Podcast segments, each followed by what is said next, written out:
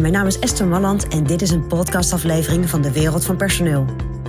In mijn podcast deel ik graag mijn ideeën met je om op een slimme en simpele manier met je personeel om te gaan.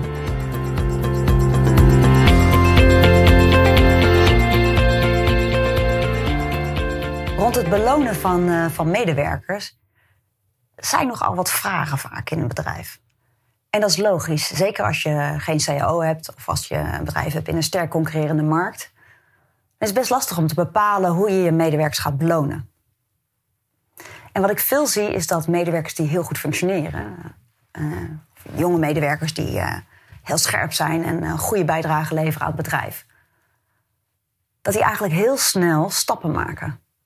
Of heel snel in arbeidsvoorwaarden worden voorzien die je wellicht normaliter een stuk later zou geven. Dus wat je heel snel ziet bij deze mensen, een beetje de veelbelovende medewerkers die binnen, bedrijf, uh, binnen een bedrijf komen, is dat ze snel een hoog salaris krijgen of snel hele luxe arbeidsvoorwaarden krijgen. En de motivatie die ik dan vaak hoor, is dat het, nou, dat belangrijk is, want je wil zo'n medewerker natuurlijk behouden en je wil dat hij zo lang mogelijk toegevoegde waarde blijft leveren. Maar er zit ook een valkuil in. Want uh, op het moment dat jij heel snel salarisstappen laat zetten door je medewerker. Één, dan gaat iemand al verwachten het volgende jaar dat die salarisstappen nog steeds zo groot blijven. Maar ook twee, iemand zit al heel snel op een vrij hoog salaris. En om iemand dan steeds hoger, hoger en hoger te blijven bieden, dat wordt een lastige.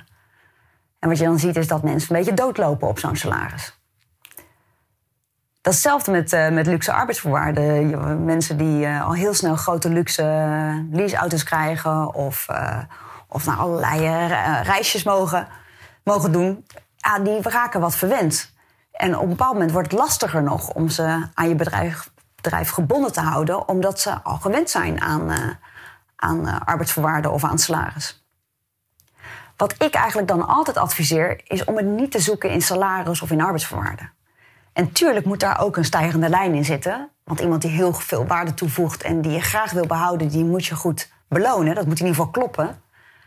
Maar ik zou je willen adviseren om zo iemand vooral ook gemotiveerd te houden.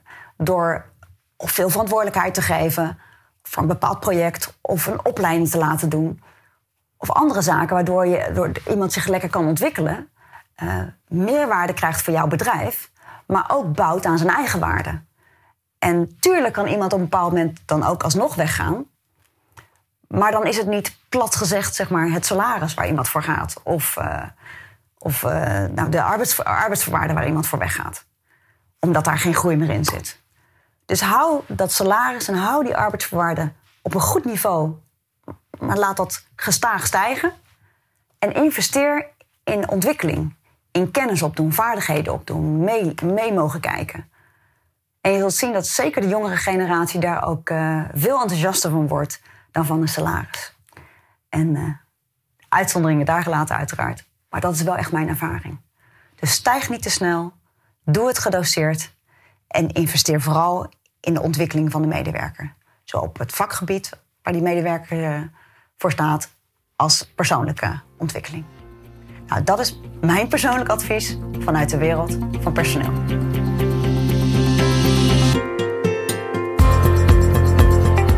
Wil je ontwikkelingen in de wereld van personeel blijven volgen?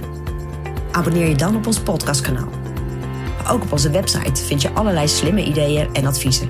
Dus kijk even rond op www.dewereldvanpersoneel.nl.